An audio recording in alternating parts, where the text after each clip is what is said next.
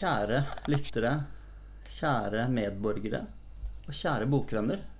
Velkommen til denne episoden av eh, Bladpodden som heter Poesi, venn eller fiende. Vi har med oss eh, forfatter Ingvild Lote og poetinne. Vi har med oss eh, poet Morten Langeland. Og vi har med oss kritikerinne og litteraturviterinne Thea Baugstø. Og jeg heter Jonas Hansen Meyer. Vi er bokvenner. Derfor starter vi med å finne ut hva dere leser for tiden. Da foreslår jeg, Thea, at du kan få lov til å begynne. Uh, ja. Uh, jeg har akkurat begynt på et essay, eller en bok, som, av Dan Fox som heter 'Pretentiousness Why It Matters'. Jeg begynte på det i dag, så jeg har ikke helt kommet inn. Men jeg tror det er et langt argument for hvorfor det å avskrive noe som pretensiøst er intellektuell latskap. Hmm. Som jeg tenkte kanskje kunne passe til denne samtalen i dag. Vi får se. Smart. Den, eh, den skal jeg bite meg merke i. Tror det er bra. Ja. Hva het han, sa du? Ja, enig? Pretentiousness Why Men han- oh, ja, Dan Fox heter Dan. Fox. Men hva var tittelen på boken? Pretentiousness Why It Matters. Pretensions Why It Matters. Ok, Mm. ok. Spennende. Morten. Ja, jeg leser denne boka fra i fjor, en diktbok som heter 'Om nettene bruker mor dråpeteljer' av Svanhild Amdal Tellnes. Veldig pretensiøs tittel. Absolutt. Men det betyr ikke at vi skal avvise det. Nei, det syns jeg ikke vi skal gjøre. Jeg likte boka godt, jeg. Nei, jeg tuller litt. Jeg, jeg har lest, faktisk lest litt av den. Jeg syns den var veldig fin. Men jeg vet ikke hva det der dråpeteljer er. Jeg skjønner ikke det. Men Det teller vel dråper? dråper? Regndråpene? Kanskje? Jeg tror det var sånn pipett, er det det heter? Ja, det er vel Ja, det er også ser for meg. Jeg tenkte det var helt bokstavelig. En, to Ingvild, hva leser du? Mm. Jeg leser jo eh, som regel flere ting på en gang. Ja. Um, så nå, nå leser jeg den nye diktsamlingen til Mette Mostrup, som jeg har Mm. med. Um, dansk. Um, jeg har også lest uh, Ingvild Sjades nye uh, roman nettopp. Ja, Mm, Bergeverket. ja, ja. ja. Uh, og så leste jeg nå nylig den Tvillingenes dagbok. Det er rart at du sier det. For det er akkurat den jeg leser for tiden. Ja, Men det er bare, du sa du har lest den på en time. ja det gikk veldig fort. Ja, ja, og det skjønner jeg godt. Det er en page-turner, men jeg, jeg sliter med å lese fort. Altså, jeg leser så lite av gangen, så jeg har brukt lang tid på dette. Men det skal sies at jeg var i eh, Frankrike på ferie. ja. Da skjer det noe. Når man er Absolutt. bortreist, så leser man mye fortere. Men altså, dette er en sensasjon, denne boka. 'Tvillingenes dagbok'. Jeg synes så- Ja. Er det en eh, ny bok? Nei, det er det det ikke er. Men det er liksom en slags relansering på norsk. Mm. Den er 70-tallsbok, tror jeg. Okay. Ikke? Noe sånt. 80 Ja, det kan godt være så. Den kom på norsk første gang på slutten av 80-tallet. Det er 70-tallsbok. Det kan meget godt være. Er polsk? Ungarsk. Ungarsk, eh, sveitsisk. Ja. Så nei, den er veldig fin. Mm. Ok, men det er godt å høre at dere leser. Eh, I dag skal vi diskutere poesi. Og vi skal finne ut om poesien er vår venn eller vår fiende. Og vi skal starte, vi skal gjøre dette på en ryddig måte, med eh, hvorfor er poesien vår venn? Så er det det nå første vi skal finne ut. Mm. Eh, det var en som sendte Jeg chattet med en som skrev en Ja, blir det en sladderpodkast? At vi liksom skal sladre om poesien. Og det er jo litt det vi skal gjøre i dag. Eh, slags teselskap hvor vi da sladrer om uh, poesien. Hvis, for det, eh, en ting hvis lyttere, hvis dere lurer på hva som knitrer i bakgrunnen, så er det Champagne. enten Farris eller champagne. For alltid fantasien deres. Mm. Ok. Um, ja, jeg, altså jeg har ikke noe behov for å forsvare poesien, så jeg uh, sier da hvorfor er poesien vår venn? Er det åpent? Det er åpent. Nei, jeg tror den er vår venn fordi det er den mest uh, konsentrerte språkbruken vi har. At det er på en måte språk uh,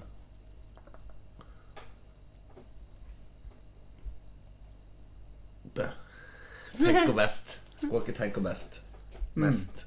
Det er rikest. Anskueliggjørende. Hvor, hvorfor er det en kvalitet, da? Nei, det er jo sånn at uh, mye er alltid bedre enn lite. Mm. Bortsett fra poesien, hvor less is more. Men eh, ja, konsentrert språk er eh, Men gjør ikke det ofte at det kan være litt um, vanskelig å forstå? Må bruke mye tid da for å forstå det, eller er det Jo, men den er, kan jo ha en slags letthet også. Det er mer det at når jeg sier språket som mest, så er det at jeg kan spille på mest mulig forskjellig, Ja. syns jeg, i Man poesisjangeren. sier veldig mye på kort tid også. Ja. Kanskje. I forhold til en prosatekst. ja. Er det noen som har lyst til å komme med et eksempel på det vi snakker om nå? Altså at poesi sier mye på kort tid? Er det mulig å komme med et eksempel? Da måtte det vært et dikt, da, eventuelt. Ja. Litt vanskelig å kunne, kunne det på rems. Det er ikke så god på. Det er jo det der til Jan Erik Vold. Dråpen henger der ikke. Det kan jeg utenat. Ja. Ja det er jo blitt sånn, litt sånn eh, klisjé. Ikke sant? Man har hørt det så mange ganger at den har mistet kanskje sin opprinnelige mening, men Apropos dråpetelleren, vet du. ja. Ah. Det der det er det Jan Erik Vold-allusjonen. Ah. Men er, er, det, et- er det et godt dikt? Eh, Selv om det har blitt lest så mye mange ganger. Dråpen henger der. Ikke. Det er jo et veldig visuelt dikt også, da. Det er Ja. en slags konkret poesi. Ja. Dråpen henger der, riktig. Uh, Synd at det kanskje har andre verdier skrevet ned og faktisk sett fysisk eh, framfor å bare bli hørt. Ja. Nå sier vi det veldig fort, og så videre. Nei, jeg synes det Hvis han leser det, så har det en verdi, da. Ja. Fordi han har så fin stemme. Jeg underviser i norsk på ungdomsskole, og det diktet bruker vi mye. Jeg bruker det mye. Så sier jeg til dem nå skal dere skrive deres egne dikt. For det første blir de jo helt forbløffet over at det er et dikt. Mm. sant? Det blir sånn aha-opplevelse for mange. Eller eh, de blir sjokkert. Ja. Og så skal de skrive sine egne, og de er ofte ikke så bra, da, men da er det sånn Tennisballen eh, traff Mm. ikke nettet, eller De lager sånne varianter, da. Ja. Som kanskje ikke er like konsentrert som det han fikk til da, i, i den teksten. Ja. Men det å herme er jo en stor del av det å skrive poesi. Mm. Herme sine forbilder. Det er Problemet fra min er, opplevelse. problemet er kanskje hvis forbildet er gitt dem av en lærer, så blir det litt Kanskje ikke nødvendigvis stor poesi av det. Jeg vet ikke. Fordi læreren har dårlig smak. Nei, heller fordi sånn, hvis ikke de sikkert deres, deres egne er forbilder, så må jo på en måte Men en det. oppgave er vel også å introdusere elevene for noen. Ja. mm. tenker jeg. Men jeg, jeg, håper ikke, jeg håper ikke det er bare det du leser på det, det, det eneste diktet. Nei, nei, nei, vi leser Carpe Diem, og det er ikke måte på. Mm. Olav Hauge. Mm. Men altså, ok, konsentrert språk er et argument for poesien. Andre. Jeg tenker kanskje at det kan, det, det har også et, et direkte, det kan spille direkte på en følelse. som Altså, det, altså jeg kan lese et dikt en dag og ikke få så mye ut av det, så kan jeg lese et dikt en annen dag og få noe helt ut, Ja. annet ut av det. Det, det. det føler jeg ikke posene kan heller. Det syns jeg er fint med å lese poesi. Mm. Det, at det, foran- eller at det treffer deg på ulike måter fra dag til dag, er det det du sier? ja, at noen ganger så, så forstår man et dikt, og andre dager forstår man det ikke Ja. på samme nivå, kanskje. Hvorfor tror du det er sånn? Det vet ikke jeg. Nei. Poesi treffer jo ofte litt som, som å høre på musikk. Tenker i hvert fall at jeg. At det er litt sånn Det kan være veldig umiddelbart, og man kan bli veldig Altså Når jeg leser dikt, så blir jeg ofte grepet mer av rytme enn av ord. Sånn når jeg først leser det.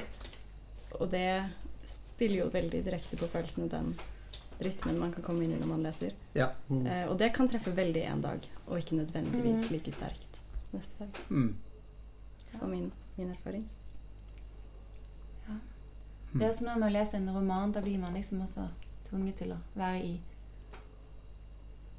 Man skal lese den fra begynnelse til slutt, og så Man kan ikke stoppe opp på samme måte. Man kan ikke gå tilbake på samme måte. Hoppe frem. Altså. Mm. Mm. Poesien er mer romlig, nesten. Ja, det liker jeg. Ja. Vet ikke. Ja, fine um, argumenter. Det er ikke argumenter for sånn som sådan, men uh, Det er som en konkurranse. ja. poesien er romlig. Den kan møte oss på forskjellige måter fra dag til dag. I større grad enn prosaen. Den er konsentrert Det er der språket tenker best. Mm. Ok, holder dette da? Jeg syns også Nei, en ting også at den, den, den kan le, leke mye. Ja. Jeg føler kanskje også at poesien er den på den måten, den, den frieste sjangeren. ja. Det har jeg også alltid tenkt. At det er noe med det, altså det lyriske språket kan åpne opp for. Ja, man kan kan liksom veldig- finne på ting, og man kan, si sånn, man kan skape bilder som kanskje er helt skeive, og, Mm. og så gir det kanskje mening der. Men det hadde ikke gitt mening i et essay. Altså, ja. det er gøy. ja. Og så kan det gi mening også fordi det er gøy. At Mm. det kan holde. Det syns Ja. jeg er fint. Jeg merker jeg, jeg får veldig lyst til å høre noen eksempler på noen gode dikt. Eh, Er er det mulig å få det? Som vi kan diskutere her nå? Jeg kan godt lese eh, et dikt fra Mette Mostrup. eh, Ja, veldig fint. Skal du lese det på dansk eller norsk eller Jeg leser det jo, det står jo på dansk der, men jeg skal prøve å ikke lese med dansk aksent, for det blir litt rart. Ja. Eh, men den boken kommer altså ut nå. Jeg sier dette til lytteren. Ja, ja, fint. eh, på danske Gyldendal og heter 'Til den smukkeste'. Ja, den anbefales. Hvem er den smukkeste? Det er ingen som vet. Jeg tror det er en mann. Jeg vet. Boring. Så konvensjonell. Ja, men det, det er jo også det man kan kalle prosadikt. Men det er veldig mye forskjellig. Det er en ganske tjukk bok. Men jeg skal lese helt fra begynnelsen, så man kommer liksom inn i universet, som er ganske spennende. Ja, fint. Mm. Som heter Første natt. Søvnløsheten gjør min hjerne sløret, sløset. Det er noe ødselt ved det. Ødselt ved det. Forestiller jeg en pyramide av egg og epler. Ville det kunne la seg gjøre? Hva er smukt, smukkere, smukkest? Maksimale fullmåne, du skinner hyperbolsk på City-sne, vet ikke hva det er. Minimale bananfluesverm, du svirer det beste du har lært over en halv kiwi. Den søvnløse går ikke i søvne, selvfølgelig ikke, nettopp ikke. Den søvnløse beveger seg sløvt, men stødvist, som en bløt robot. Albuen rager et absintgrønt krystallglass ned fra kjøkkenbordet. Øynene ser det bli knust, som i slow motion. En lille sky av pulverisert glass står opp fra gulvet med et grønnglimt, grønnlig lysglimt. Insomnia, glitterstorm, hysteria. Jeg hadde en gang en elsker hvis brystkasse var bedårende, men hvis føtter jeg ikke kunne utstå. Når han var i ekstase, gned han disse føtter opp og ned av mine skinnben og utstøtte noen kvekkende lyder. Ikke desto mindre måtte jeg bare presse mine bryster mot hans bryst. Bryster, bryster, bryster, i gror og gror og gror. Kan kjærlighet gradbøyes? Å bygge noe trekantet av noe rundt. Inneni søvnløsheten er det et nærest nordlysgrønt skjær som får meg til å gråte. Det får meg til å, til å ae mine planter. Det får meg til å ringe deg opp når solen står opp. Hmm. Hmm. Fint. Kan du prøve å si noe om hva du liker med det diktet? Hvis det går? Altså, da kan jeg også si noe om Mette Mosups forfatterskap. Ja, for all del. eh, som, det liker jeg at det er sånn stadig overrasker hele veien, kanskje. Ja. At, eh, du vet ikke hva du får helt. Og det er veldig lekent, samtidig som det er veldig ja, Den her er jo veldig sånn mytologisk, og det er mange gudinneskikkelser. og Sånn hun jobber på så mange nivåer. da. Mm.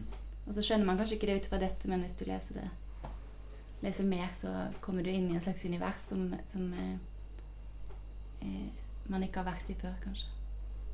Som er veldig godt utført. Mm. Spesielt at eh, det virker som formen på diktet også er dens tema. Altså søvneshet, Mm. sløret, sløset i første linje der allerede, og så er det fullt av tankesprang og Mm. assosiasjoner. Det blir nesten sånn hypnagogisk. Ja. Akkurat der rett før du sovner, så kan det være et eller annet sted mellom våken og drømmene. Ja, det er litt sånn følsom. Det er fint. Men det er også mer sånn dikt eh, i denne boka. Det er jo veldig Det er ikke noe eh, gjennomført eh, stilist som er ja, altså det er Ja, nå blar du i boken, og vi ser altså forskjellige typer oppsett. veldig mye Eh, inndelt i kapittel, og så da er det også tonen forandres i kapitlene, og eh, ja. plutselig er det capslock-kapitlet Ja. Men liksom, hvor går grensen i det diktet her for Du sier hun overrasker. Det var noen fine jeg noterte meg. Pyramide av egg og epler. Mm. Det er veldig visuelt. Og senere i boken så, så prøver hun å lage denne pyramiden av eggene og eplene. Ok, så den sånn, kommer tilbake. Hvor skal man starte med eggene eller eplene? Hva er Ja. det som holder altså, Det er veldig ja. Men det jeg sitter og lurer på, er hva i det diktet kunne man ikke tatt vekk? Er det, mm, det jeg, tror, jeg tror det er min Jeg blir litt frustrert nå, for jeg har prøvd å skrive poesi. Og jeg får ikke til å skrive sånn som hun gjør. Nei? For at jeg eh, Bløt robot Jeg syns det er kjempefint. Mm.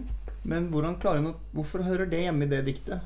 Når det er en pyramide der òg? Altså, jeg, jeg blir helt sånn Hvorfor ikke? Hvordan tillater Ja, hvordan kan hun tillate seg det? Ja, eh, Nå er hun veldig anerkjent dit og kan gjøre hva hun vil. ja, ja, men det er jo, ikke, an- det er jo åpenbart ikke an, Tror du det er anerkjennelsen hennes som gjør at du liker diktet? Nei. For det er jo, Det er det jeg, jeg vil jo si det er jo noen åpenbare kvaliteter i det diktet her. Jeg tenker også det ligner ikke på noe. Nei? Det ligner ikke på så mye. Det er jo kanskje derfor du ikke klarte det, fordi det er veldig unikt. Også. Ja. Ikke at, jeg, jeg har ikke lest noe du har skrevet, men, eh, men det er ikke så mange som klarer å skrive. På denne måten. Men det kom det inn en elsker sånn cirka midt Eller tre fjerdedeler uti. Jeg hadde en elsker. Ja, For, f, der vender det jo. Men jeg tenker også det er noe med det Morten snakket om, at man ligger i sengen og skal sove. mm, Hva er det man tenker på? Mm. Hvem er det man savner? ja. Jeg syns ikke det er så rart. Det er også litt uh, Language-bevegelsen, holdt jeg på å si, det eh, virker som det er setningene i seg selv, eller Det er et prosadikt, dette. Mm. Hvis lydelig kvalitet og billedskapende evne eh, blir vektlagt, og så blir det en slags historie, en slags driftende historie ut av diktet. Mm. Men eh, Jeg likte det godt, jeg. Men det er vanskelig å si hvorfor man liker ting og ikke, da. Det vet aldri jeg. Så det er veldig vanskelig å sette ord på. Ofte så tenker jeg bare at jeg liker noe hvis jeg blir dratt inn i det. Ja, det, ja. Hvis jeg er føler at det tar meg med et sted. det. mm. Og idet du begynte å lese, så ble jo jeg Altså, Ja. jeg, da plutselig aksepterer jeg så mye. Så når du sier bløt robot, pyramiden Altså, jeg, jeg går med på det. Veldig Det sånn er fint å si bløt robot, da, for det går jo ikke an å være en bløt robot. Mm. Og det, nettopp derfor så er det fint å si det. Mm. Ja, men da kan man si ja, da, hvis det hadde vært, Men da, da hadde det vært lett å skrive poesi, da. For da kunne man sagt eh, en, en tørr eh, Muffin. Tørr ja, men det, det kan skje. Det kan, men nå prøver jeg å lage en oksymoron her. En tørr eh, jeg, En tørr innsjø. Nei, det kan Nei, jo men det handler også om lyd. Det handler om En tørr Riesling. Tørr rist Ja. Tørr Det sier man jo. Det skjer jo ofte, det. Hmm.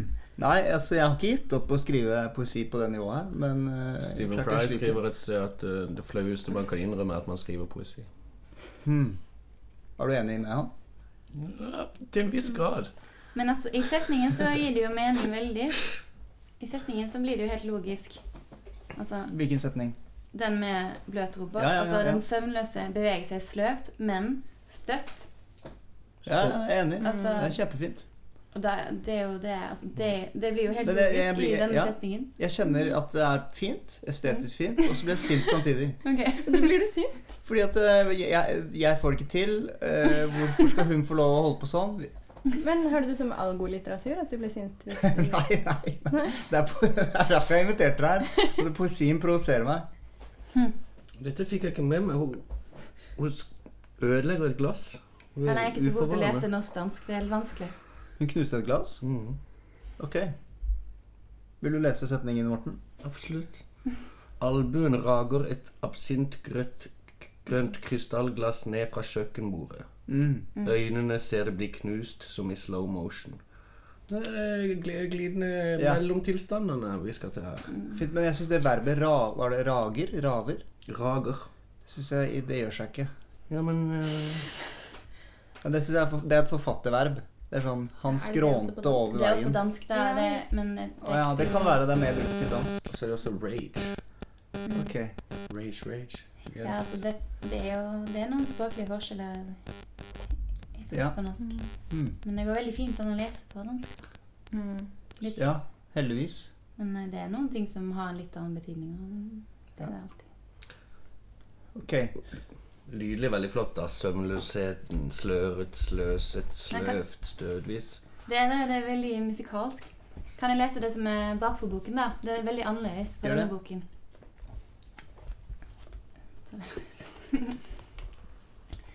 ok. Eris, gudinne. Eris, planet, offisielt. 136 199. Eris kaster et eple med påskriften til den smukkeste inn mellom gjestene til det party hun som den eneste i hele solsystemet ikke er invitert til. Så kaster gudene seg over frukten, så blir det krig igjen. Festen var bare en kamuflert krig. Hmm. Mm. Litt som i von Triers-festen. Kanskje det er inspirert av Pontrier? Nei, den slet jeg faktisk med å få med meg det siste der. men, eh, men Det kan være vanskelig å høre dikt lest høyt også. Ja. Ja. jeg kan si det. Og hvis man skal snakke om kvaliteter etterpå, Ja. så mm. Hvilket punkt i programmet er vi på nå? Er det Nei, jeg fortsatt, Vi eh, prøver å forsvare poesien. Eh, Nå har vi eksempel på goddikt, og jeg tror vi alle var enige om at her var det noen kvaliteter. Eh, bare Apropos det lydelige, jeg har lyst til å lese fra din, Ingvild. eh, for jeg har opp, noe jeg syns er litt sånn skamløst. Hva er det? Kan jeg se hvilket det er? Ja, det, det, det er uh, lydlige ting jeg vil peke på. Og jeg syns det er veldig vakkert. Du Og så ser skamløst? Ja, jeg blir sint. Men det er, det er kjempevakkert. Så jeg, jeg tror kanskje det er misunnelse. Jeg vet ikke. Du har lest det på en Det er sånt På internett skal man trykke 'les'. Du le, det er en opplesning du har gjort på nettet, tror jeg. Jeg måtte ta noe kort for det skal Ja. på Instagram. Det er veldig fint. Først forsvant dinosaurene. Så forsvant regnskogen og religionene. Ettfulgt av regnbuen og reven og rosebuskene og roen i hjertene. Til slutt forsvant ømheten mellom oss, og det ble en stor stillhet i huset. Det er et flott Jeg vil si det er et dikt. Ja, det kan det være. Det kan være det. Det kan også være eventyr. Ikke akkurat, men Ik- okay. ikke sånn alene, kanskje. Men det jeg ville eh, eh, rette oppmerksomheten på her, er disse bokstavrimene. Regnbuen, reven, rosebuskene, roen. Det, det fungerer jo, syns jeg. Det skal ikke vi drive og eh, bare kritiser meg. Jeg tar, jeg Nei. tar det helt fint. Det. Nei, men, det, men, men det, det vekker det samme i meg. Altså Det er også noe gåtefullt her da som jeg ikke helt forstår. Og jeg liker det på samme tid. Jeg tror det er det som, som plager meg med poesi. da Mm. jeg forstår, Ja, jeg forstår ikke hvorfor jeg liker det. Akkurat det der minte meg veldig om Inger Christensen.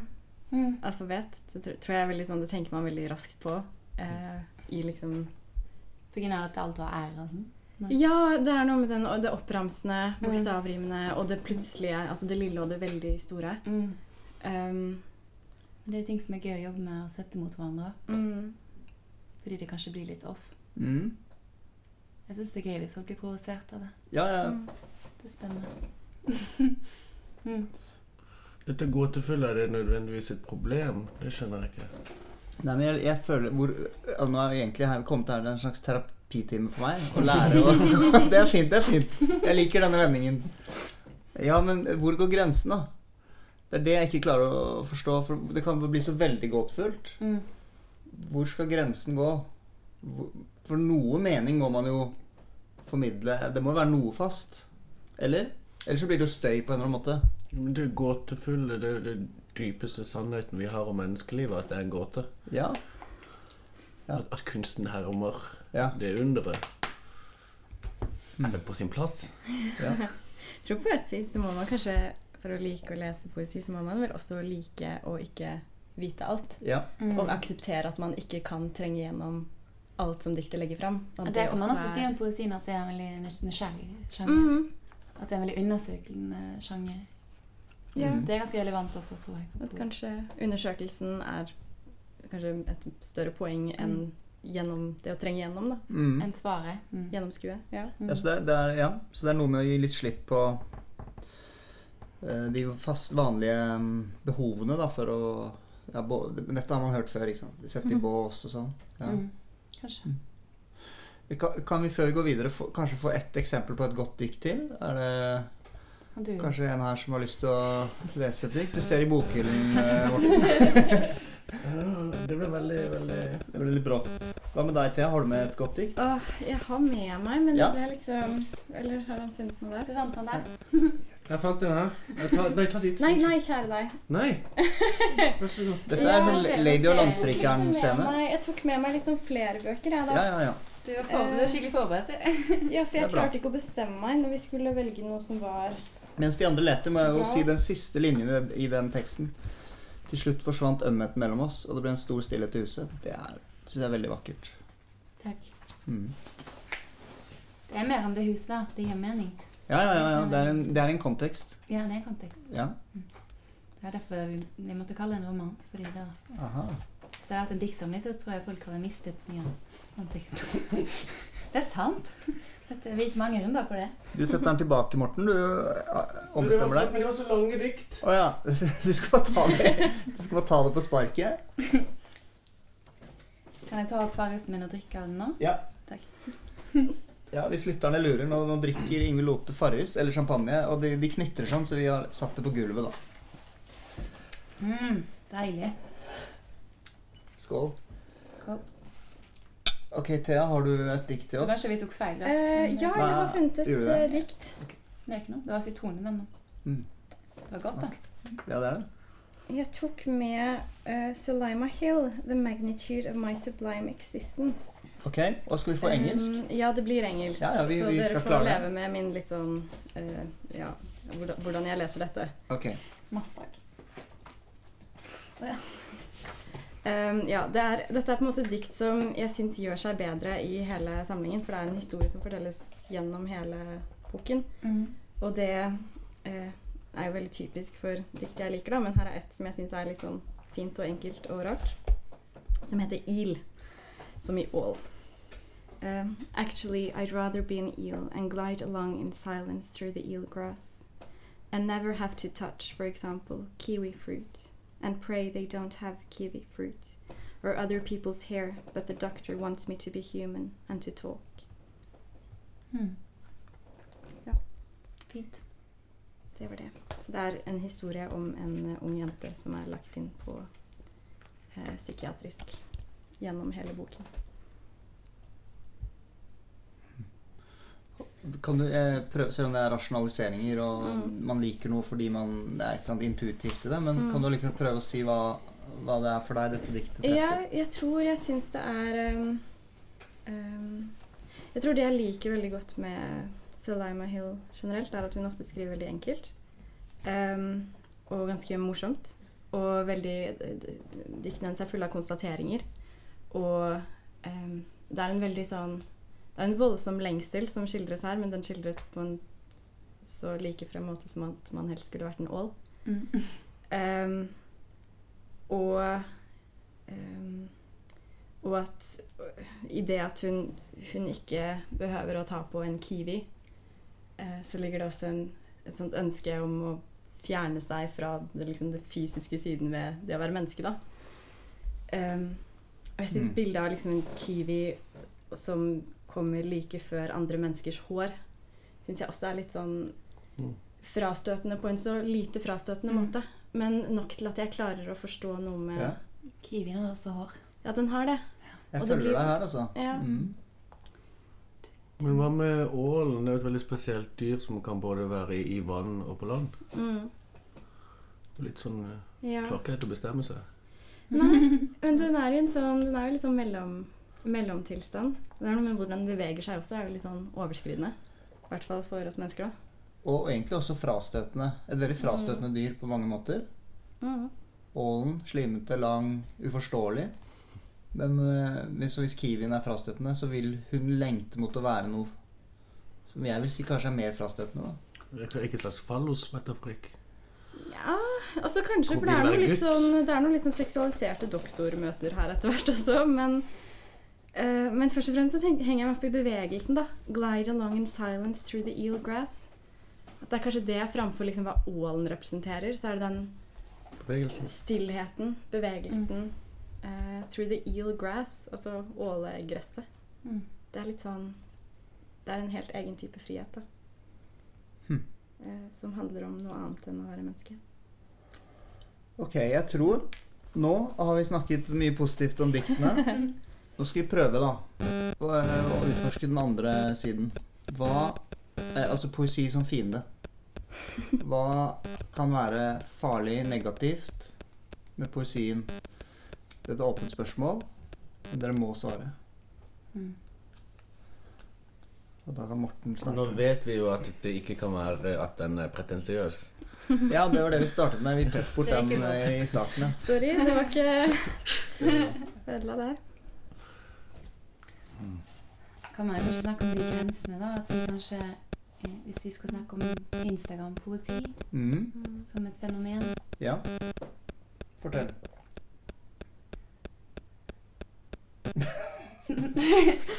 Nei, at kanskje um,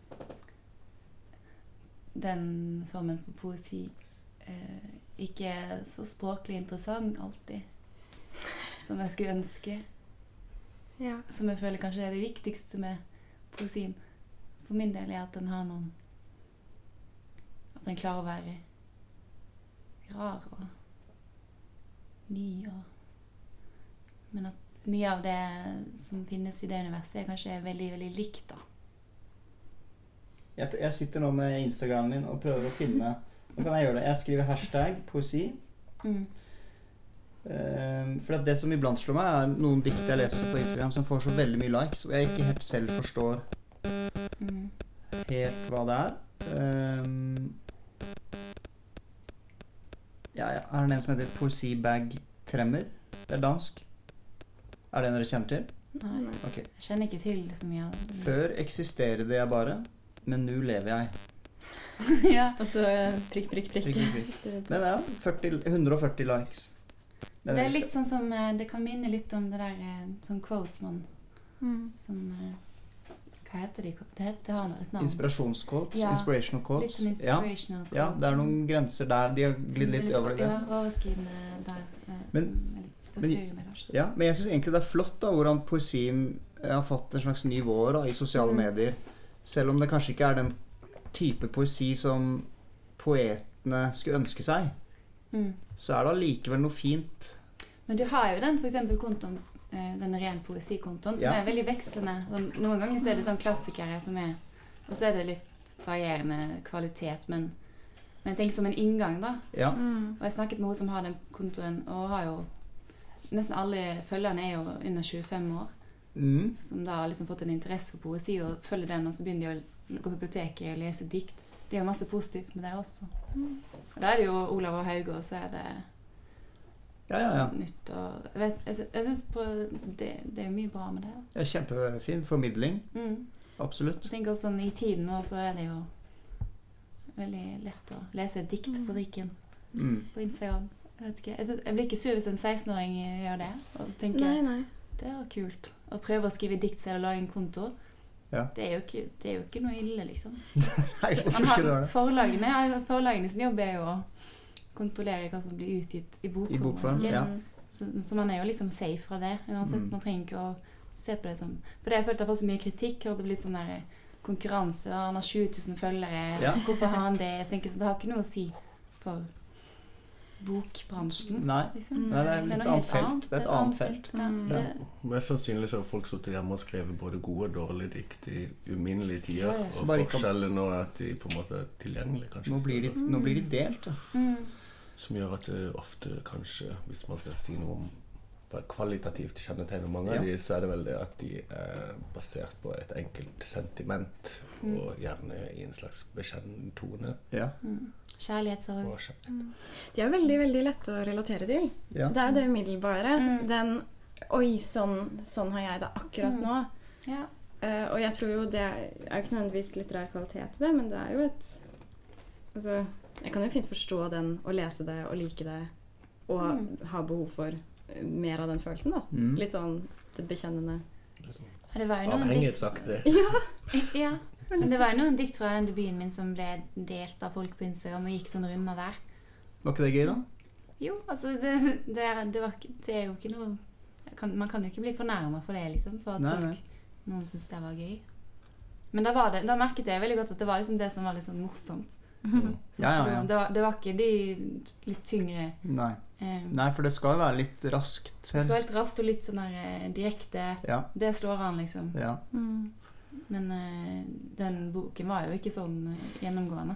Nei. Hvis du leste den Men helhet Mm. så var det jo mye annet. Men det som liksom slo an på den, i de kanalene, var sånn to-tre som var litt sånn Mm. Som jeg syns var de dårligste diktene i boken. Du syns det, ja? Ja, det er sånn som jeg liksom Ja. Men er ikke det litt sånn band som blir bedt om å spille noen sanger, så liker de ikke de sangene de blir bedt om å spille? Ja. Og så gjør de det likevel. Så gjør de det likevel. Ja, dag. Men jeg synes det du sa, Morten, var interessant at folk har alltid skrevet sine dikt, men nå blir det mer spredt. Mm. Og så Bourdieu har en interessant eh, setning et sted hvor han sier at Hvorfor smiler vi nå? Det er lov å være pretensiøs i dag. Eh, Han sier at eh, når folk eller skal skrive Altså når de skal skrive litteratur, så er det poesien de liksom vender seg mot. For de har fortsatt en idé om poesi som den ypperste litteratur, da. Mm. Som kanskje henger igjen fra ja, 1800-tallet. Da poesien var liksom ikke bare Det også solgte altså Hvis vi tenker i Norge, da. Wergeland, Welhaven. Da var det dikt du skulle skrive, da. Og det solgte greit, liksom. Det var, folket var fulgte med. Mm. Men at det er et eller annet interessant med at det er ja, at de vender seg mot poesien og skriver da på en måte De har ikke fulgt med i utviklingen til poesien ellers. Så det er en slags litt arkaisk, Mm, gammeldags mm. poesi de vender seg mot å skrive. da Som vi da får på Instagram. Ikke alle Instagram-poeter, men mange av dem. Dere ser tankefulle ut. Hva tenker dere om det? Jeg tenker vel Det er vel ikke den arkaiske poesien som fins på Instagram, først og fremst? Nei, ikke arkaisk, det var et dårlig ordvalg. Men f formmessig Eller ok, tankemessig, da. Ja. Kjærlighet. Ja, kanskje Eh. sånn at det skal være, det skal være himmel og blomster, og det skal Ja. være kanskje de Noe i den duren. ja, det er sant. rosene og sånn. Men jeg vet ikke. Men det er vel sånn, sånn alle, Mm. alle begynner å skrive dikt. Mm. Mm. Eh, Det er jo Uff, Det er kanskje litt altså, muligens litt nedlatende å si at alt poesi som fins på Instagram, er på en måte folk som ikke Det var ikke det jeg mente å si. Nei, nei, det var kanskje det Det finnes jeg følte at jeg antydet. Oh, ja. Mm. Mm. Men det tror jeg ikke. For vi vet jo at det fins mye forskjellig der. Ja. Mm. Jeg syns det, synes det er modig. Jeg deler Mm. aldri noen ting jeg har skrevet på Instagram. Selv om jeg har en Instagram. Mm. Jeg synes det, det, det krever jo ganske mye, da. Og du får liksom de likes. Det er jo sånn rus. Jeg husker jeg var mye på Mhm. Twitter sånn i 2010-2011-2012. Det var jo bare for å få de der likesene. Ja. Det var veldig avhengighetsskapende. ja visst. Jeg føler Instagram er den nye Twitter for mange. Det er nok det. Mm. Men ok, men vi, så vi er enige. Vi har på en måte, så vidt jeg Så skjønner, det kom går fra ord til bilde, da. bilde av tekst, ja. Mm. Mm. Men vi er enige om at det fins altså, Instagram-poesi, det er mye forskjellig. Men, men vi prøver allikevel nå å problematisere poesien. Nå har vi snakket litt om Instagram-poesi. Går det an å problematisere poesien som kommer i bokform? Sikkert. På noe som helst måte? Hvor lenge Ja. du problematiserer? Det er klart det går an. Ja. Hva- Hvordan da? Hvordan kunne man gjort det eventuelt? Men problematisere på, Som i det som utgis? Ja. Mer som Ja, sånn, det det som generelle Generelt?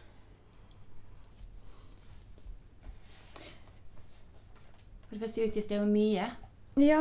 Veldig mye. Altså jeg er litt redd Jeg vet ikke om jeg har lest Eller om jeg leser liksom, Hvis vi snakker om norsk samtid, så vet jeg ikke om jeg leser nok norsk Mm. norsk samtidslyrikk til å peke på veldig klare generelle Nei. Eller vet jeg ikke om jeg tør.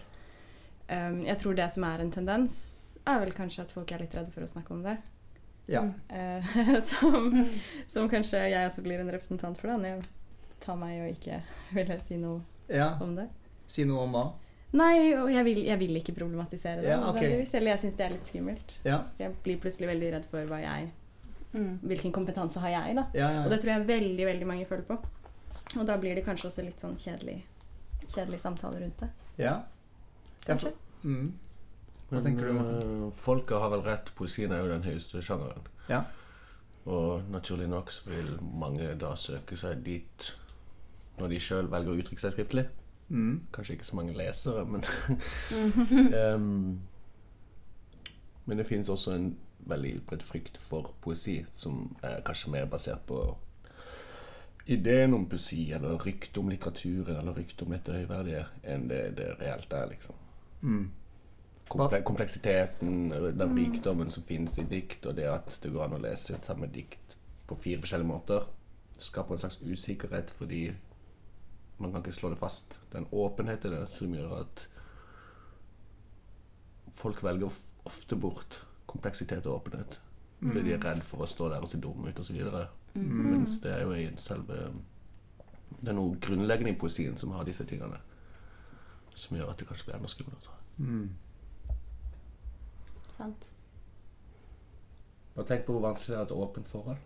Jeg har aldri hatt det. Ja, men du, der er du inne på noe. Åpent forhold, åpen seksualitet, åpen religiøsitet.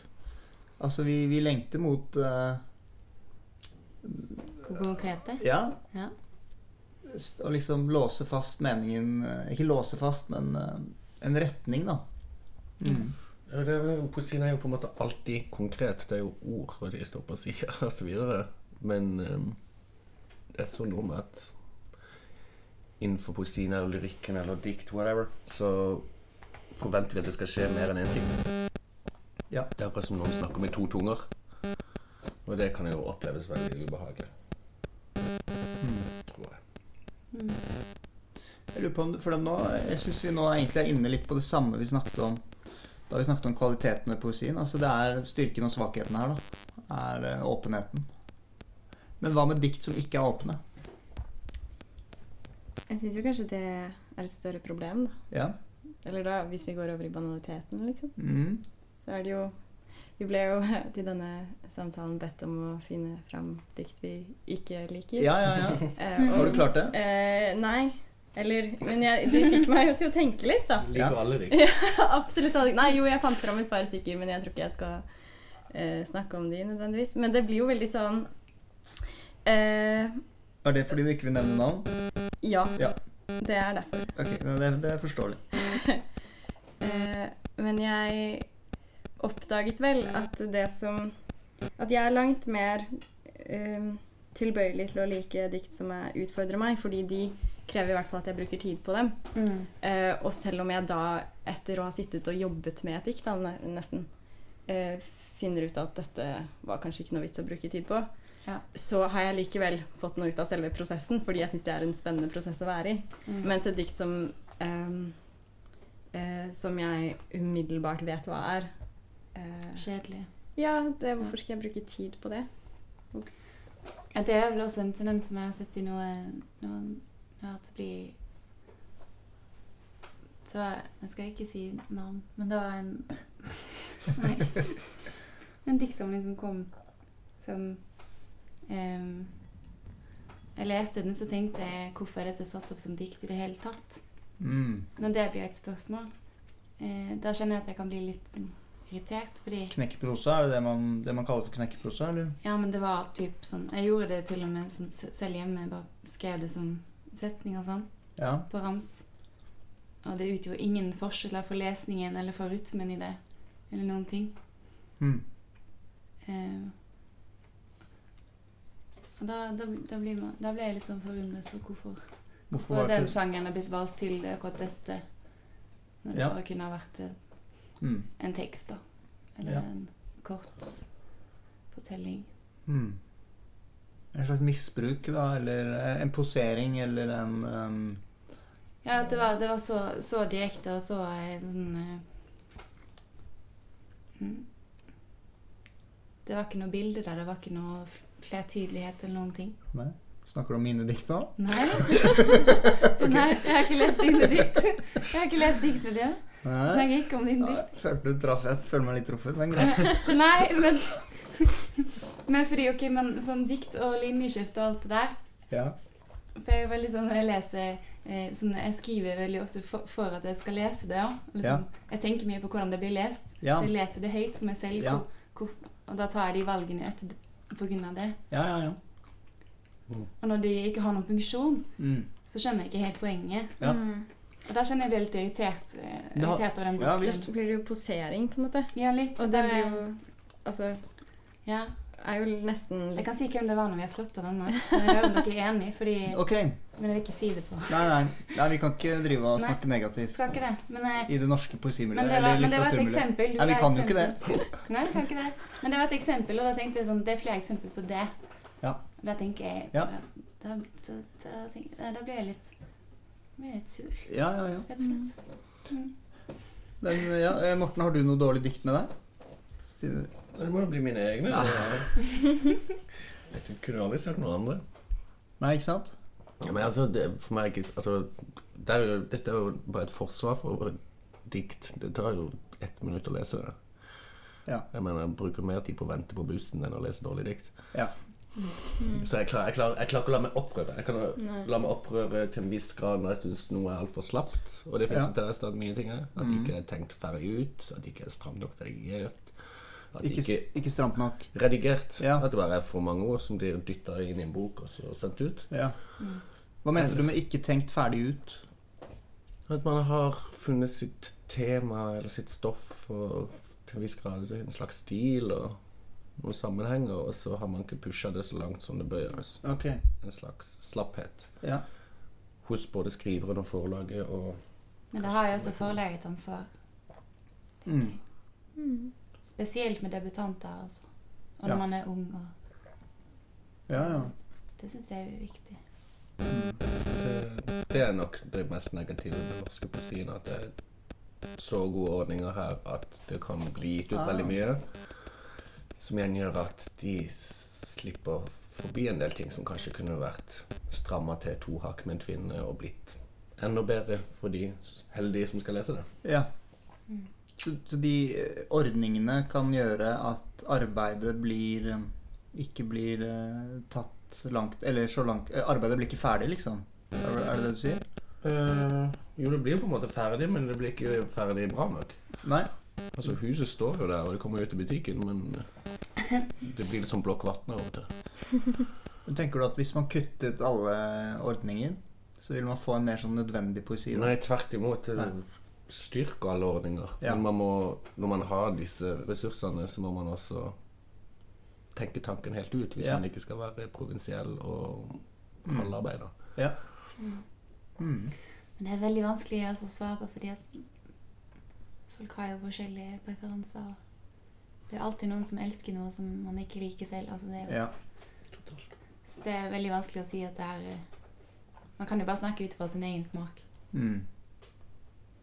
Og kvalitet er liksom Men eh, Kvalitet er bredt, ja. Det er klart eh, det, Kanoen er jo, er jo der, da. selvfølgelig. Men den er også Ja. der av en grunn. Altså, Mm. Det er også historie og Ja.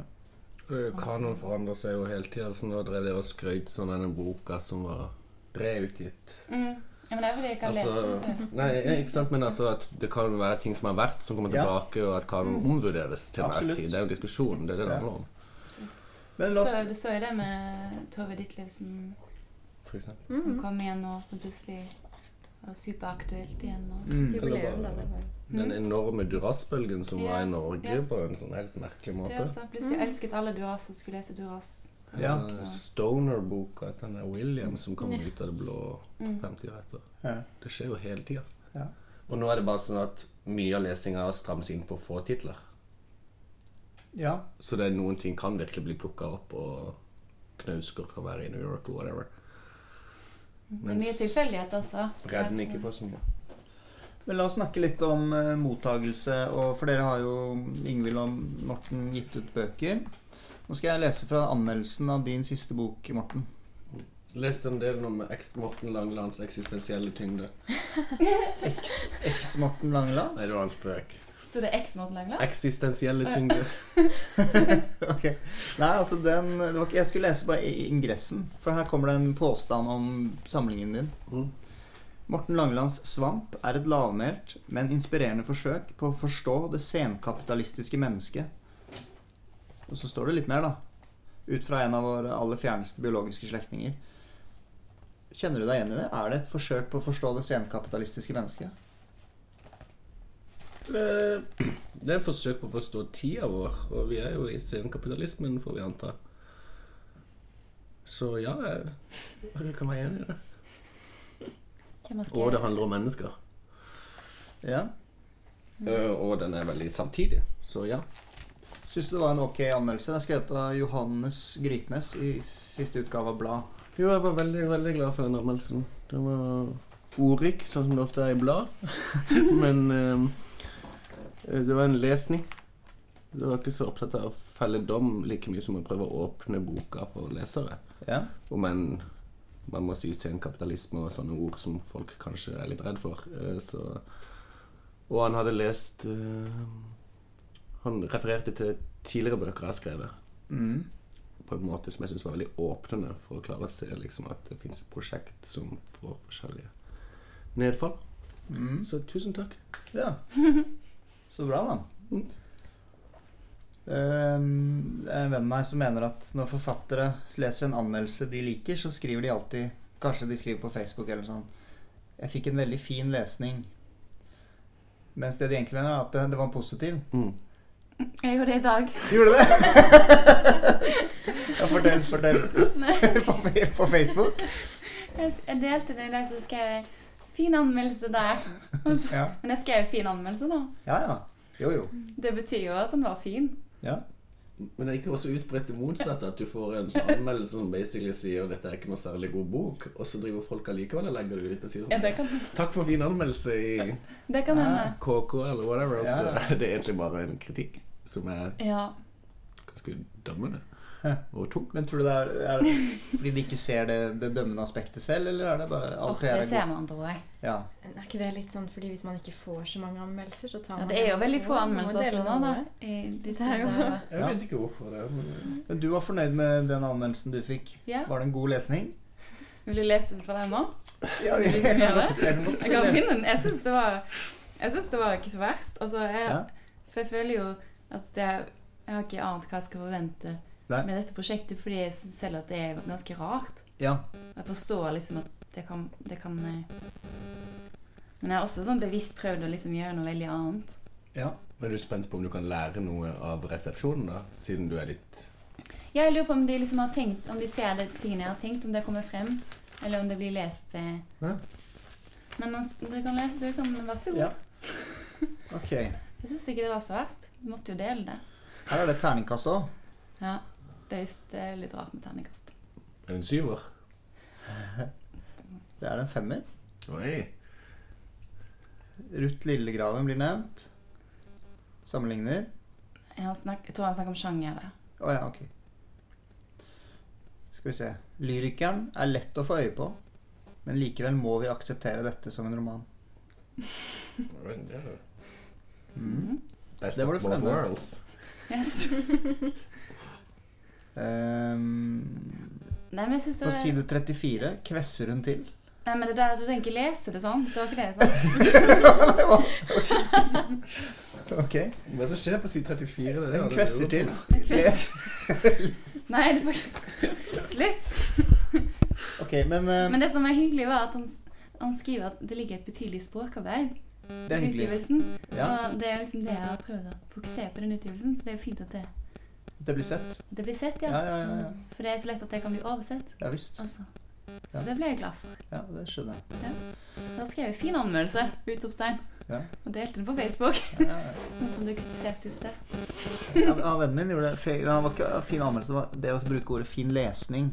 Ja. Hvor man liksom komplementerer anmelderen for Mm. å ha sett noe veldig Og så er det egentlig bare fordi du blir glad. da. Men jeg syns det er menneskelig. Jeg synes det er fint. Så du må fortsette med det. ja, jeg tenker man. Å ja, nei, jeg skulle bare si det er ikke gitt at det ikke er en fin lesning. Nei, nei, nei. Det, Det er forskjell på lesninger òg. mm. Det er noen grunner til at folk blir veldig Altså at man snakker om det i det hele tatt, er at det er på en måte en av de eneste kanalene for å få oppmerksomhet rundt en utgitt bok i vår tid. Mm. Og det så veldig for det det har vært. Ja visst. Bare eh, er du besøkte i 2012, Ja. og jeg kan virkelig merke forskjellen i på en måte hvor mye anmeldelser, eller hvor lite det finnes nå. i forhold Sier du til det? Ja, det føles virkelig sånn. Det er skremmende.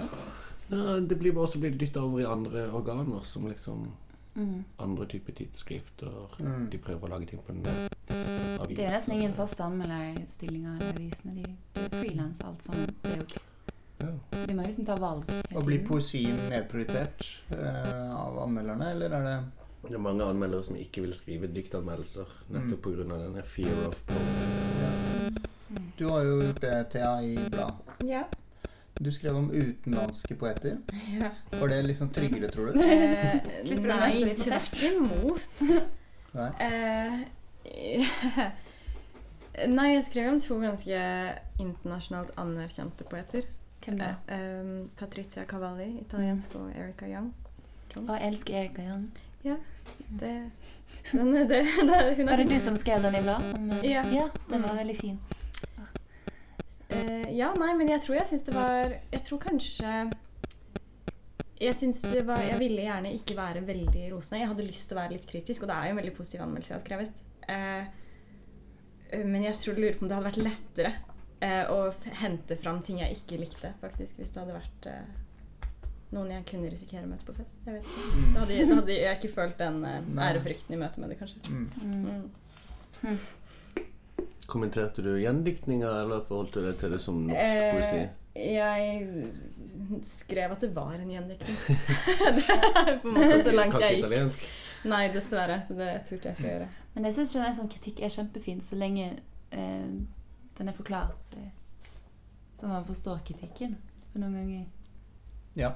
Så er det bare en kritikk fordi Jeg vet ikke. For det virker, det virker så umotivert noen ganger. Mens andre ganger så virker det sånn Å ja, ok, men jeg forstår hva denne personen mener med denne kritikken. Mm. Da er det bare å følge på det. Mm. Håper, Ok. håper på slakt. Dere, nå skal jeg komme med noen påstander om poesi. Og så vil jeg at dere skal si om dere er enige eller ikke, og hvorfor. Ok? Enig. hvorfor det? Jeg syns det var så mye fin stillhet der. Writing free verse is like playing tennis with the net down. Hvorfor må du lese det på engelsk? Jeg kan godt oversette det. Å, å skrive frivers er som å spille tennis uten nett. Nei, Hvem er det? Robert Frost. Ja, ikke enig. Ikke enig. Det er ikke mer på en måte å skrive på rim og rytme. På rim er som å spille bowling med sånne gjerder. Ok, Ja, det var lett å Kan du si det? Ja. Writing with a rhyme is like bowling with uh, The net up. Yeah. Jeg tenker, jeg tenker noen får til det, men det er veldig sjelden. veldig Det sjelden. finnes unntak. Ja, men Det var fin. Det var en rebuttal. Slags, eh, du er battle-rapper eh, her. Ok, en til. Poesiens oppgave er å samle den splittede verden til én. Jeg synes mye av det vi Unnskyld, er det bare enig og uenig? Ja, ja. Og hvorfor? Ja, eh, uenig. Jeg synes mye av det vi snakker om, handler mer om å vise verdens mangfold. Ja. Og mangefasettert, og at det finnes forskjellige sannheter etc. Så da tror jeg ikke det handler om å samle like mye som å vise at alt henger sammen. Men jeg er også Ja, veldig enig i det. Mm. Enig med Morten. Ja. Hadde dere også sånn på barneskolen sånn Man skrev på sånne setninger Morten sier eh, et eller annet, og så kunne man etterpå si 'enig med Morten', og så skrev læreren 'enig med Morten', sa Jonas. Det hadde vi aldri, men det syns jeg var en god idé. Ja. Det er så veldig merkelig. ja, Hvis eksempel Morten sier da 'jeg er enig, jeg er uenig', sier Morten. og så sier med, er enig med Morten, sier Ingvild. Ja. Hvorfor skulle de skrive det på tavla? Jeg vet ikke, jeg tror det var for at hvert barn skulle bli hørt og se sin ytring da på tavlen. Ah, ja, å ja. Hvis du ikke hadde, Hvis du ikke hadde noe mening. så kunne det bare være enig. Det var så fint. Er dette noe du driver med? på- Ja, nei, det gjør jeg ikke. Det gjør jeg ikke. Det er for egen skolegang, det. Men det er ikke alt man har en mening om. Jeg har ikke mening om alle ting. Nei. Noen ting er helt nøytralt. skriver Ingvild har ikke mening om allting. Om alle ting. Vi tar, vi tar eh, ett til. Og den er fin. eh, Skole, skriveskoleklisjeen. Mm. Um, poesi er punkt Nei, unnskyld. Prosi Prosa. Prosa er, lin, prosa er linje. Poesi er punkt. Det er jeg også helt uenig i. Mm. Hvorfor det? For det blir for enkelt. Det er veldig lett å være uenig i disse påstandene. De okay, er litt ja. enkle. Ja. Ja. Det er ikke jeg som har funnet på det, heldigvis. Nei, det, det der blir jo en sånn Er ikke det Jan Erik Vold Høres, høres, veldig, høres veldig kvelende ut. Er det ikke Jan Erik Vold som har sagt Det det? kan godt være det er Jan Erik Vold, ja. Mm. Han sier mye, han Jan Erik Han har sagt eh, noe annet. Et dikt er noe som er sett. Det syns jeg ikke det trenger å være heller. Så det kan, kan spiller det på det visuelle? Ja. Er det det det betyr? Sånn, Ja. Noe Ja. som er sett? Nei, nei, nei. nei. Nei. For meg har det alltid vært det auditive som er bærende. Det lydlige. Ja. Ok. Jeg tror språket er bygd opp på en sånn måte at vi assosierer ut fra den banken av ord vi har hørt gjennom livet vårt og lest. Og så skriver vi videre.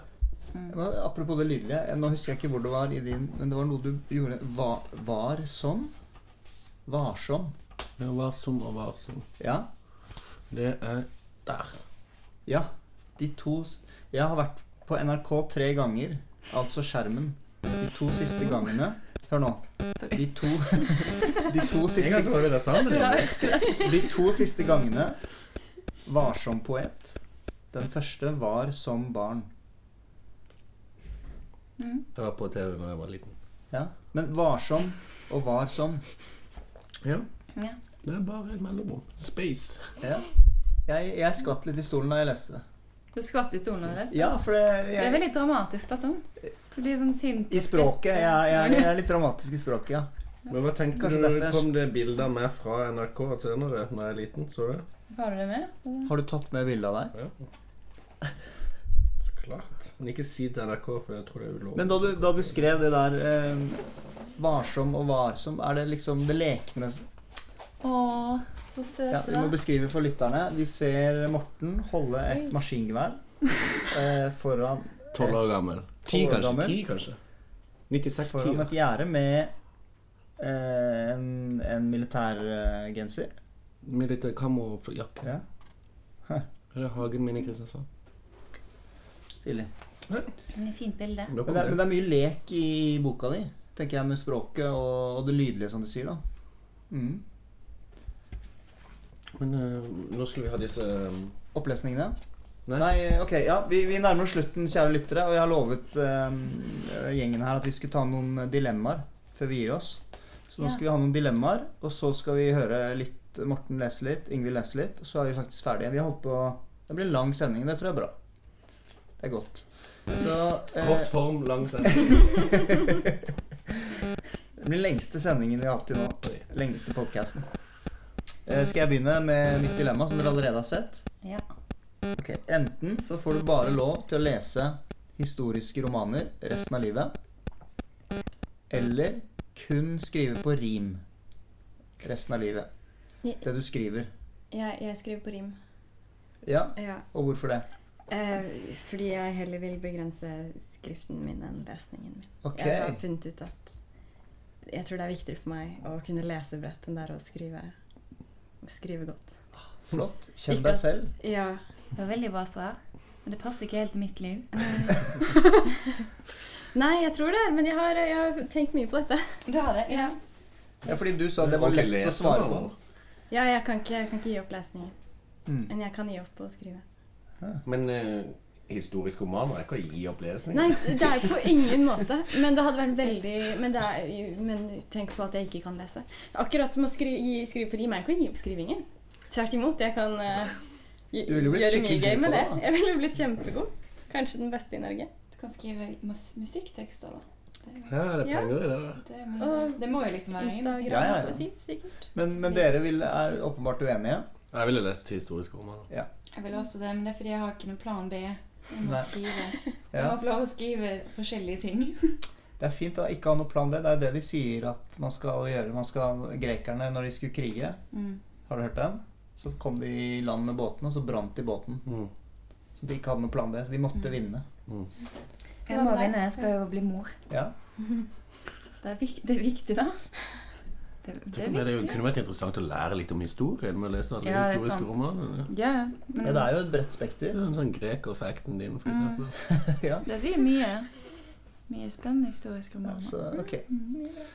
Men eh, da har dere noen dilemmaer? Som på stående fot. Ja, ja, ja.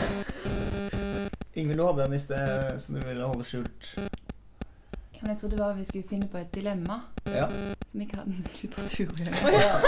Du tok et annet dilemma. Ta den kjapt, da. Ja, Den er ganske mørk, jeg kan ikke ta den. Jo, du kan ta den. Nei. Nei, for det er sånn teit dilemma. Det er sånn, ja. man har sånn dilemmalek. Men det er gøy. Ja, men, det har, den. men det har ikke noe med dette å gjøre. Ja, men det går bra. Ok. Ville du Ville du ha eh, gått rundt hele livet og luktet litt, litt vondt? sånn at ingen ville sitte ved deg på bussen og men, var litt vondt hele tiden. Det gikk ikke bort noen gang. Eller vil du ha dratt til et sånn vet ikke, et helt random land, valgt et land, skutt og drept et menneske på en åpen plass og sluppet unna med det? Jeg, Ah. jeg ville luktet vondt. Vil du? Resten av Ja. livet. Alltid. livet? Du blir ensom. Men jeg tror sånn jeg kan finne kanskje et par stykker som kanskje syns jeg lukter litt godt. Fordi folk er eh, Nei, altså alle syns du lukter vondt. alle jeg lukter vondt. Så vondt at Men det bare litt vondt. ja. Ja. Man kan ikke leve med det. Nei. Man, nei. Det er faktisk ikke så veldig etisk. egentlig. Jeg hadde skutt noen. Ja, det var mitt dilemma. Ja, det var fint. Det er sånne ting jeg tenker på. Ja, nå er vi, nå er vi, nå er vi over i, i Radioresepsjonen. Og Det er, I krimmen. Ja, vi, i krim eh, Nei, men eh, dere, eh, det har vært veldig hyggelig å ha dere på besøk. Og jeg syns vi har fått fram litt interessante ting om poesien. Vi har til og med lest eh, litt, litt poesi. Men vi har fått høre nå Nå skal vi avslutte med litt lesninger her. Fra Morten og Ingvild. Sine helt ferske bøker. Morten er en måned gammel, er han det? Det er 33. Og boka? Jeg er ikke hvor gammel du er, men boka. Ja, den er en måned. En måned. Ingvild er enda ferskere. Tre dager gammel. Tre dager. Noe sånt. 30 dager og tre dager. Så um, ja. Vil du starte, Morten? Ja, jeg leser cirka det. Ja, kjempefint. Ok. Ja, dette er en del som handler om eh, en poesifestival i Makedonia. Derfor er tittelen 'Sank points', sånn som de sier på Melodi Grand Prix, siden Makedonia er kjent fra Melodi Grand Prix. Ideen om hjem er heterotopisk, slik Foucault myntet og siden ghostet det ordet. Du er et gitt sted og samtidig et annet. Du er hjemme, og du er ikke hjemme. Du er i eksil. Du er på øya. Du er borte. Du er løpende gjennom skogen, og du løper gjennom skogen. Så kommer de ridende, og kommer de ridende, så har de køller, og har de køller, så er de menn, og er de menn. Så, så, så. Vi er på flyplassen, denne store mathallen hvor jernfuglene bor. Hvor forbindelseslinjene streker over globusen. 2-3% av menneskene bor der oppe nærmere sola. Nærmere, så får alle kjenne. Vi tar tog fra nå av. Skal ikke være kjedelig, har jeg skrevet. Det blir kanskje nødvendig. Vi legger ned språkfagene, ikke bare latin, tysk og fransk, men også arabisk. 500 millioner brukere i rundt 20 land. Vi legger ned byene og landet. European betydde hvit i Sør-Afrika. Homeland var områder de ulike stammene ble bosatt i. Utenfor bykjernen, utenfor europeerne, utenfor seg selv. Eksilet og sjelen. The soul is in outer space. Takk. Takk. Vær så god. Mm. Jeg, skal, jeg tenkte jeg skulle lese det én, to, tre, fem. Ja. Fordi at det, det, det, det er sammen. Ja. Fint. Kan jeg lese noe annet? Kan jeg lese noe kort? Her? Det er kjempefint. Les du. Jeg har ikke lest det før. ja. Den navnløse jenta er en flamme. Når jenta får lys på seg, kaster hun ingen skygge. Det er jenta som er skyggen, og skyggen følger alltid etter nord. Han som er så gjennomlys og myk at hånda glir rett gjennom han. Eller er det hånda som er myk? Det er hånda som er myk, men myke hender kan også bli tørre uten håndkrem. Spesielt på denne tida av året. Slik et slag kan være en form for nærhet alt etter hvem du spør. Nord er drømmende og lys og varm, men Nord er også lang og bleik, og faren hans er død. Når han folder vingene sine over den navnløse jenta, kjenner jenta at hun har gått med navnet hans i hjertet. Hun har gått med navnet hans i hjertet, hun har gått i årevis og venta. De overleverte hjertene sine til hverandre, det var et løfte. Slik bare to sjeler kan møtes, møtes nå og den navnløse jenta som brikker i et puslespill av engler og demoner. Et kaldt hjerte mot et varmt, et varmt hjerte mot et kaldt. De ser på hverandre, de forstår, de ønsker seg et hjem til et liv. Den navnløse jenta er et barn på ensomme strender. Hun vender seg mot havet eller sola og går rundt i tomme nabolag. Jenta finner et tre, hun ser på treet. Høsten fargelegger treet, hun står og stusser over høsten. Løvet løsner og legger seg som en parykk over det tynne håret. Ansiktet hennes blir vakrere. Jenta stiger ut gjennom sitt eget blikk og blir treet. Treet utvider seg, jenta er treet. Trærne er ute, de kriger en god krig. Nå sier jeg noe om fargene, at de er vakre. Jenta tenker at treet ikke er så vakkert i seg selv. Treet er vakkert fordi det skjuler alt det som er bak treet. Som den grå himmelen, de skjelvende skyskapene, de gjenglemte hundene og alt det som står i aviser. Nord blir rørt fordi det er han som er jorda, den levende jorda, og ansiktet hans er nakent. Nora er Faderen, han er Sønnen og Elskeren. Nora er Fader jord, og jenta kommer alltid tilbake når han roper på henne. Hun kommer alltid tilbake når han roper på henne. Yes. Yes. Tusen takk. Selv takk. Det var altså Vi hørte Morten Langeland, 'Svamp'. Ingvild Lote, 'Havfruehjerte'. Tusen takk til Thea for at du ville være med på denne podcast-episoden. Takk for at jeg fikk komme.